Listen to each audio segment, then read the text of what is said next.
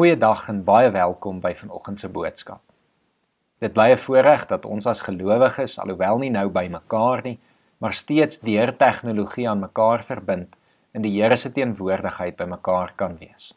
Mag vanoggend se boodskap en God se teenwoordigheid 'n seën wees vir elkeen van julle. In Psalm 103 skryf Dawid 'n ongelooflike belydenis oor die Here wanneer hy sê barmhartig en genadig is die Here lankmoedig en vol liefde. En daarom is dit vir my 'n voorreg om jou vanoggend te kan groet met sy genade en vrede. Amen. Kom ons bid saam. Here ons dankie dat ons vanoggend elkeen in ons eie huis in u teenwoordigheid bymekaar kan wees. Here ons vra dat u vanoggend deur die Gees by elkeen van ons sal wees dat U vir ons U woord sal oopbreek, Here, en dat dit wat ons vanoggend hoor regtig ons harte sal aanspreek op so 'n wyse, Here, dat dit ons lewens weer sal inrig, gefokus op U, op wie U is, Here. En sodat ons so sal weet dat U die enigste Here is, die enigste weg tot lewe. En ons vra dit vanoggend in Jesus Christus se naam alleen. Amen. Ons gaan vanoggend saam lees uit 2 Korintiërs 12 vanaf vers 6 tot 10. Julle is welkom om daar saam met my oop te maak of as julle ook wil, kan julle die woorde wat op die skerm gaan verskyn ook lees. Al sou ek wil roem, sal ek tog nie dwaas wees nie omdat ek die waarheid sal praat. Maar ek weerhou my daarvan omdat ek nie wil hê dat iemand aan my meer moet toeskryf as wat hy my sien doen of my hoor sê nie selfs nie vanweë die verhewendheid van die openbarings nie. Daarom sodat ek nie hoogmoedig sou wees nie is daar vir my 'n doring in die vlees gegee 'n boodskapper van Satan om my met vuiste te slaan. 3 maal het ek die Here gebid dat dit van my af weggeneem moet word. Sy antwoord was my genade is vir jou genoeg. My krag kom juis tot volle werking wanneer jy swak is Daarom sal ek baie liewer oor my swakhede roem, sodat die krag van Christus my beskutting kan wees. Daarom is ek bly oor swakhede, beledigings, ontberings, vervolging en moeilikhede ter wille van Christus, want as ek swak is, is ek sterk tot en met sover. Ek verstaan nie genade nie. Hierdie is die refrein van 'n liedjie wat uitgekom het in my eerste jaar as teologie student deur straatligkinders. Ek lees ver oggend sommer net so die eerste paar reëls van hierdie liedjie. Ons Vader, ek is lief vir jou. Sukkel ook soms om jou te vertrou. Ek verdien nie wat my toekom nie. Ek verstaan nie genade nie. Ek verstaan nie genade nie. Hierdie woorde het my destyds aan die dink sit as eerstejaar teologiese student wou ek immers God verstaan het. Ek wou geweet het hoe sy genade werk en hoe dit funksioneer in ons lewens. Dan moet ek bieg tot en met vandag toe. Dink ek nog steeds hieroor. Want op 'n manier wil ek graag deur wie God is en hoe hy werk en funksioneer in hierdie wêreld, 'n boodskap aan mense kan oordra wat hulle sal help om in 'n verhouding met hom te kan. En daarom hoop ek dat vanoggend se boodskap in die gedeelte wat ons saam gelees het, ook jou hierin sal help. Vandag is Palmsondag. Die dag wat Jesus triomfantlik Jerusalem binne gegaan het. Julle ken die storie, ek hoef dit nie regtig weer te vertel nie. Maar Jesus kom in Jerusalem aangery op 'n donkie en die skare ontvang hom as 'n koning, want hulle het 'n verwagting dat hy die nuwe koning van Israel sal wees. Hulle waai palmtakke, hulle gooi hulle klere voor hom uit en hulle roep uit in lofprysings dat hy die koning van Israel is. Ongelukkig verstaan hulle nie hoekom hy regtig daar is. Hulle verstaan nie dat daar 'n groter prentjie is oor hoekom Jesus Jerusalem binnekom. Hulle verstaan nie dat hy eintlik sy genade vir hulle wil kom wys eerder as om hulle koning vir die hier en nou te word. Jesus wil die ewige koning van hulle lewens wees en nie 'n tydelike aardse koning nie. Hulle verstaan dit nie en daarom kruisig hulle hom. Ironies dan dat omdat hulle nie kry wat hulle soek nie, hulle dan juis kry wat hulle nodig het. Ek weet nie of ons vandag al veel gevorder het. Verstaan ons genade. Help vanoggend se gedeelte ons om genade beter te verstaan. Ek weet nie, want as ek die eerste keer hierdie teks lees, dan los dit my met 'n klomp vrae. Hoekom is God se genade genoeg vir Paulus? Hoe lyk hierdie genade? Hoe lyk dit prakties in sy lewe? Wat beteken dit? Wat is die bedoeling daar agter? Wat is die implikasies ook vir my en jou lewe wanneer die Here sê my genade is vir julle genoeg? sien want Paulus skryf hier en dan vertel hy dat hy 'n doring in sy vlees het. Ons weet nie wat dit is nie. Ons weet nie wat dit veroorsaak het nie.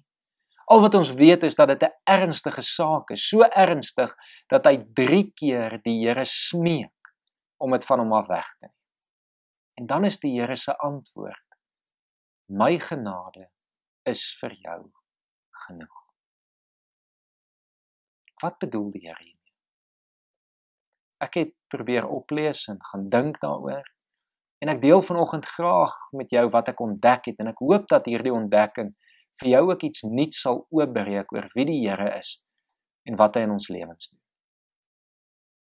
Paulus gebruik amper altyd die woord genade in die konteks van die kruis. Genade is Jesus Christus as die gekruisigde. Genade word die beste gesien wanneer ons Jesus aan die kruis sien. Genade word die beste verstaan wanneer ons tot die besef kom dat Jesus in ons plek gesterf het, dat hy opgestaan en dat hy vir jou en my al verdien ons dit nie vir ons lewe gee. Dit is werklik genade. En dan sê die Here vir Paulus, dit is genoeg. Dit is genoeg vir die swaar kry wat hy ook nou beleef. Sy genade is genoeg. Is dit genoeg vir my en jou? sien want die laaste ruk voel dit vir my al meer asof ons in 'n wêreld leef waar mense amper God aanbid vir wat hy vir hulle kan doen. Mense wat glo God skuld hulle iets. Mense wat op 'n manier vir verwag dat die Here 'n klomp dinge in hulle lewe moet doen en hulle moet seën en en hulle sal help met 'n klomp dinge. Hulle moet beskerm omdat hulle sekere vers aanhaal of aanstuur of 'n sekere hoeveelheid mense byeenkom om saam te kan bid en dan op hierdie manier seker op 'n manier God te manipuleer om uiteindelik hulle wil te doen in plaas van God se is dit genade? Is dit hoe God werk? Is dit regtig wat ons verwag van die Here? Of is daar dalk iets meer? Is God se genade van Jesus aan die kruis vir jou genoeg Dit was nie vir die inwoners van Jerusalem. Hulle het dit nie verstaan vir baie mense vandag ook nie. En daarom dink ek dit is belangrik dat elke gelowige vir hulle self ergens die vraag moet afvra. Hoekom glo ek? Glo jy oor wie God is of glo jy oor wat hy vir jou kan doen? Ek dink heeltemal te veel gelowiges glo vandag vir dit wat hulle dink die Here vir hulle kan doen. Dis 'n wêreld wat nog vasgevang is in 'n konsep van seën en straf. Dis 'n wêreld wat sê as ek aan die riglyne voldoen of die gebooie onderhou, dan moet die Here my seën. Of as ek dit nie doen nie, dan gaan die Here my straf. En wanneer ons so dink, dan maak ons 'n klomp uitsprake soos byvoorbeeld dat COVID-19 eintlik die straf van die Here is of dat die Here uiteindelik nou net ons aandag soek want hy wil graag met ons tyd spandeer en ons gee nie vir hom die tyd nie. So hy straf ons nou vir 'n tyd sodat ons weer tot inkeer sal kom. Is dit genade? Is dit regtig die Here wat Dawid in Psalm 103 verwoord as 'n barmhartige God, 'n genadige God, 'n geduldige God, vol liefde? Of is dit eintlik iemand wat ek en jy gemaak het omdat dit is iemand wat ons soek? Ons soek 'n God wat vir ons ons probleme gaan oplos. Ons soek 'n God wat gaan ingryp wanneer en ons wil soos ons wil. Ons soek 'n God wat ons gaan seën want ons wil op die ouene gemaklik kan leef. Ek dink nie ons verstaan genade nie. En miskien is dit nodig dat ek en jy vandag net regtig eerlik en rou hierdie vraag vir onsself moet antwoord. Hoekom glo jy? Vir wie God is of vir wat hy vir jou kan doen? Op die ouene is die twee tog tot 'n mate aan mekaar verbind. Want wie God is, veroorsaak dat hy sekere dinge doen. God is 'n genadige God en daarom bewys hy genade aan ons. God is 'n God vol liefde en daarom tree hy liefdevol op teenoor ons. Maar ons kan nie begin uiteindelik by die dade nie. As ons God aanbid oor die dade, oor dit wat hy vir my en jou doen, dan is ons eintlik besig met 'n valse godsdiens. Dan is dit amper so goed soos iemand wat met iemand anders trou omdat hulle baie ryk is dit wat hulle kan kry uit die verhouding en nie omdat die persoon in die verhouding regtig vir hulle kosbaar is. Ons behoort God te loof en te prys alleenlik vir wie hy is. Net omdat hy 'n genadige en 'n liefdevolle God is, behoort genoeg te wees. En dit wat hy alreeds gedoen het, is genoeg. Dit is uiteindelik die antwoord wat Paulus ontvang. My genade is vir jou genoeg. Jesus wat aan die kruis gesterf het, is genoeg. En die rede hoekom dit genoeg is, is omdat dit eintlik alles al reeds oorwin het. Dit het vir my en jou ewige lewe moontlik gemaak. Dit het vir my en jou die weg oopgemaak om 'n lewe, 'n ware lewe in 'n verhouding met God te kan leef. En daarom is dit nie noodwendig nodig dat God swaar kry nou moet wegvat. Daarom is dit nie noodwendig nou nodig dat God my moet seën sodat ek met rykdom of gemaklikheid kan lewe nie. Jesus Christus aan die kruis is genoeg. Dit is genoeg want uiteindelik is daardie genade vir ons die weg tot die ewige lewe. En meer as dit het ek en jy nie nou nodig. Daarom kan ons troos vind selfs in moeilike omstandighede. Daarom kan Paulus weet al het moet hy hierdie worsteling deurgaan, is God se genade genoeg want dit het sy perspektief in terme van ewigheid verander. Paulus word herinner dat hy na die groter prentjie moet kyk. Die prentjie wat die inwoners van Jerusalem gemis het. Die prentjie wat ek dink ek en jy te veel in ons daaglikse lewens mis. Dit is dat God alreeds alles vir my en jou gedoen het. Niks meer is nodig. Sy genade aan die kruis is genoeg. En dit is daarin waar ek en jy ons saligheid vind. Dit is daarin waar ek en jy ons ewigheid vind. Dis daarin waarin ek en jy ons lewe kan vind. Sy genade is genoeg. Is dit genoeg vir jou? Ek hoop werklik so. En dan bedoel ek nie noodwendig dat jy vanoggend moet verstaan. Ek dink nie op die ou ende in al my moeite en nadenke en leeswerk oor wat beteken hierdie genade en hoe lyk dit prakties. Is dit nodig om regtig iets te verstaan? Want uiteindelik het ek tot die besef gekom dat alhoewel ek nie genade verstaan nie, ek dit net hoef te beleef. Op die ou einde is genade nie iets wat regtig tot werklikheid kom wanneer ek en jy dit verstaan nie. Genade is iets wat ons in ons werklikheid beleef wanneer ons dit ervaar. Genade word 'n werklikheid in die belewenis daarvan. Wanneer ek en jy in hierdie komende week weer Paasfees herdenk. Wanneer ons weer herinner word aan Jesus wat gekruisig is. Wanneer ons daardie prentjies sien, wanneer ons Jesus aan die kruis sien en genade sien, dit beleef en ervaar hoe die Here my en jou vryspreek, hoe die Here na my en jou toe kom as die opgestane Heer op Sondagmôre en vir ons sê ek wil vir jou lewe gee. Dis nie iets wat jy verdien nie, dis nie iets waartoe jou lewe eintlik lei nie. Maar dit is waartoe ek jou roep is 'n genadige lewe. En as ons so daarna begin kyk en as ons dit so begin beleef, glo ek genade gaan 'n effek op ons lewens hê. sien want Paulus, alhoewel hy baie dinge verstaan het, is dit ook nie die verstaan van genade wat hom gehelp het deur sy worstelinge. Dit was die belewenis daarvan en die herinnering aan daardie belewenis wat vir hom die krag gegee het om uiteindelik hierdie te kon trotseer. Die genade wat Paulus ervaar het, op die Damaskuspad toe die Here aan hom verskyn het en vir hom gesê het Paulus op die ouenes daar nie 'n lewe buite my nie. Volg my, aanvaar my genade, aanvaar my uitnodiging tot lewe en dit sal vir jou ware lewe gee. En dan sien ons in Paulus se lewe dat daar 'n ongelooflike verandering gekom het. Hy wat Saulus was, wat 'n fariseer was, wat probeer verstaan het, wat probeer die geregtigheid 'n klomp dinge gedoen het, het uiteindelik eintlik die groter prentjie van God se genade gemis. Maar Saulus wat Paulus geword het, die Here Jesus self te sien en sy genade te ervaar en sy uitnodiging aan te neem. Dit het sy lewe verander. Dit het vir hom die krag gegee om uiteindelik alles te kon trotseer. Paulus kon hierdie die hierdie vlees in sy hierdie doring in sy vlees uiteindelik trotseer omdat hy onthou het in wie hy veilig is. Omdat hy onthou het dat die Here saam met hom daardeur gaan. Nie dit noodwendig wegvat nie, maar dat die Here se genade, se toekomsvisie op 'n ewige lewe genoeg is om nou enigiets te kan trotseer. Op die ouende glo ek dus dat genade nie iets is wat jy hoef te verstaan maar iets is wat jy moet beleef. En daarom het ek 'n klomp mense in ons gemeente en gemeenskap gevra om vir my video's te stuur.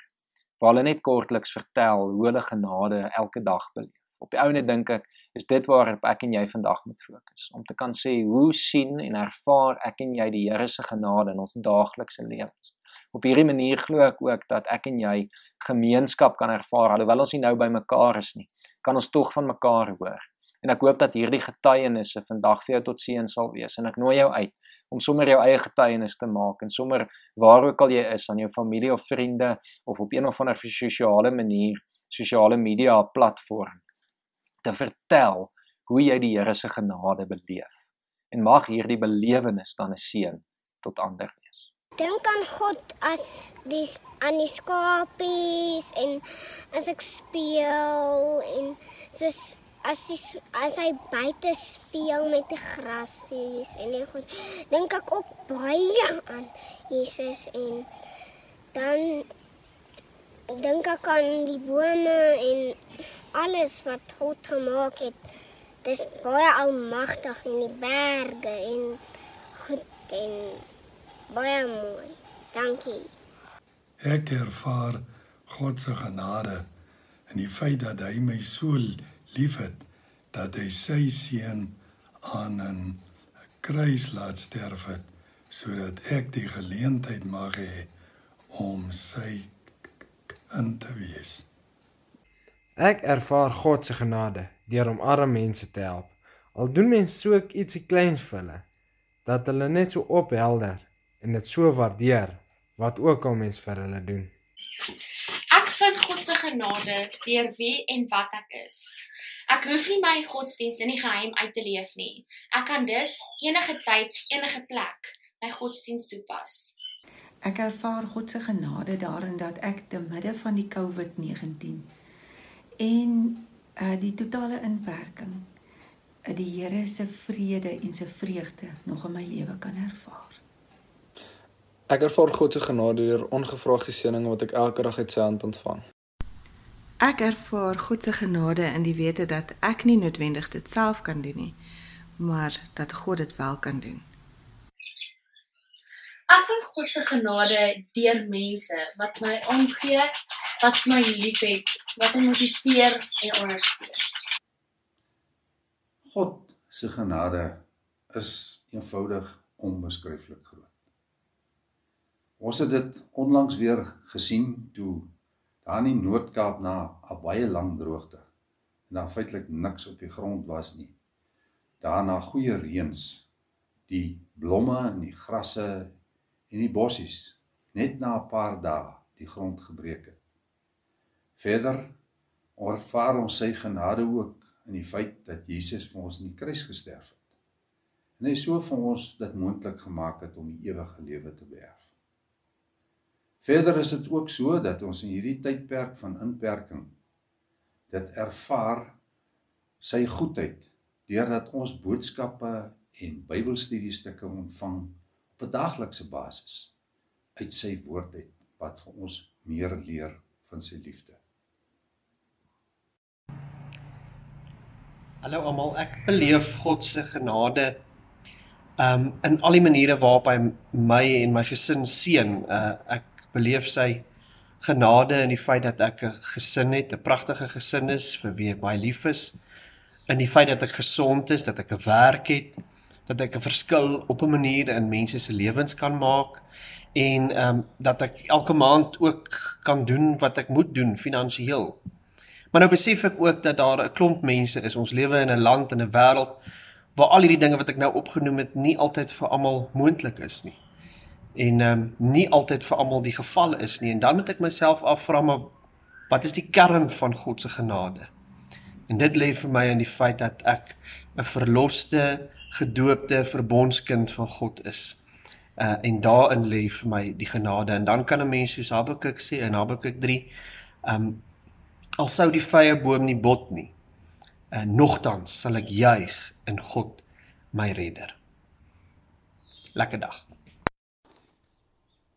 As ek oor God se genade dink, dan dink ek aan die son wat elke dag skyn oor alles en almal. So is God se genade soos die son. God se genade is ook soos water waar sonder niks en niemand kan lewe nie.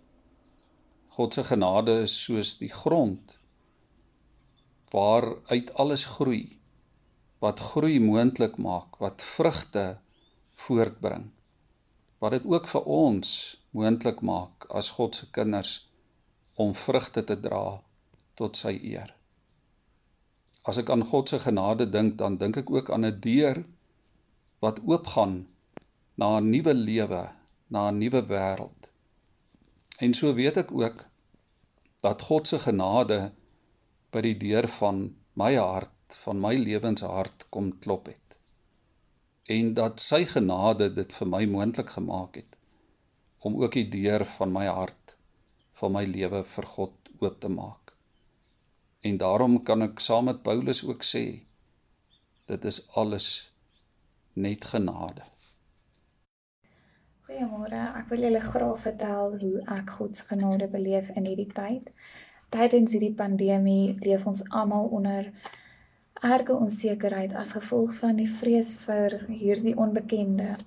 En dit druk ons uit ons gemaksones uit en nou moet ons in isolasie leef en ek dink dit is 'n groot stuk genade om in 'n huis te kan bly waar jy nie net fisies veilig voel nie, maar ook om te weet emosioneel word ek ondersteun deur mense rondom my wat vir my lief is en wat vir my omgee.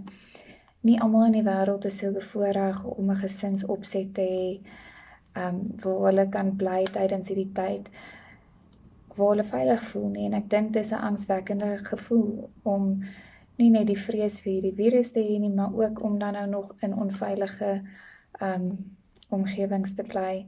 So dit is op sigself 'n groot genade.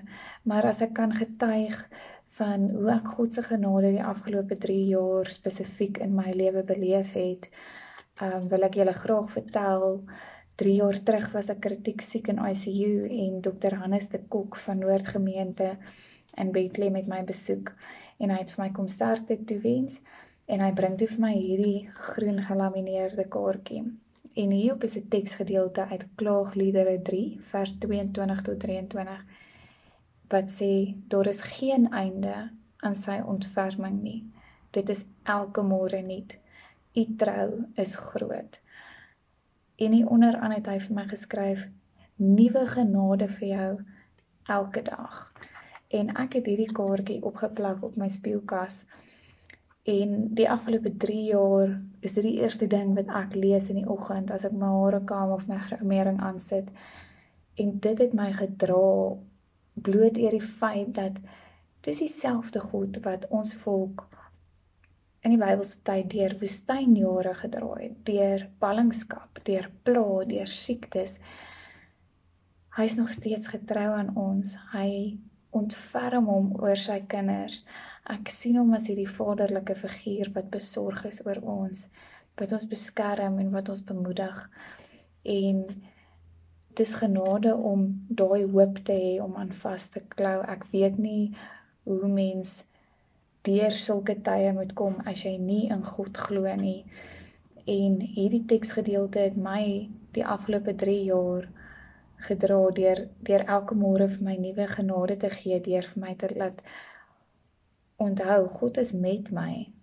Ten spyte van die feit dat ek met my gesondheid sukkel, ten spyte van die tye wanneer mens in jouself twyfel of wanneer die lewe sy vraestukke na jou gooi en wanneer mens bekommerd is of wanneer mens seer gemaak word deur mense of deur deur dinge rondom jou wat gebeur. God is elke dag daar te midde van krisisse. Nie net in die slegte tye nie, in die goeie tye ook.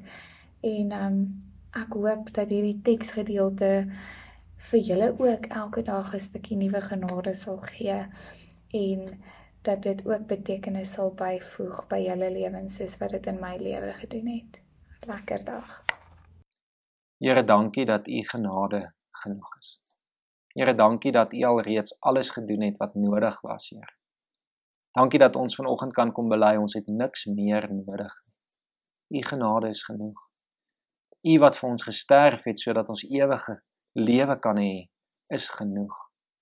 Here, dankie dat u vir ons so lief was dat u vir ons mens geword het. Dankie dat ons hierdie week weer daaroor kan nadink. Dankie dat ons ook weer kan terugdink aan u wat bereid was om te sterf. Maar dat selfs die dood u nie kon vashou nie. Dat u opgestaan het en dat u vandag leef, dat u teenwoordigheid elke dag by ons is. Here mag u ook hierdie week by elkeen van ons wees en mag u ons lei om weer hierdie genade werklik te ervaar, Here. Om te kan weet ons is veilig in u genade, in die genade van Jesus Christus, die gekruisigde Jesus. Here help ons ook om hierdie boodskap nie vir onsself te hou nie, maar Here help ons om dit uit te gaan dra op watter manier ons ook al in staat is, Here, aan ander om hulle te vertel dat u genade genoeg is, ook in tye soos nou. Ons bid dit in Jesus Christus se naam alleen. Amen. Ek wil graag vanoggend vir jou wegstuur met die seën van die Here. Mag die genade van God ons Vader en die liefde van sy seun Jesus Christus en die gemeenskap van die Heilige Gees by elkeen van julle wees en bly. Amen.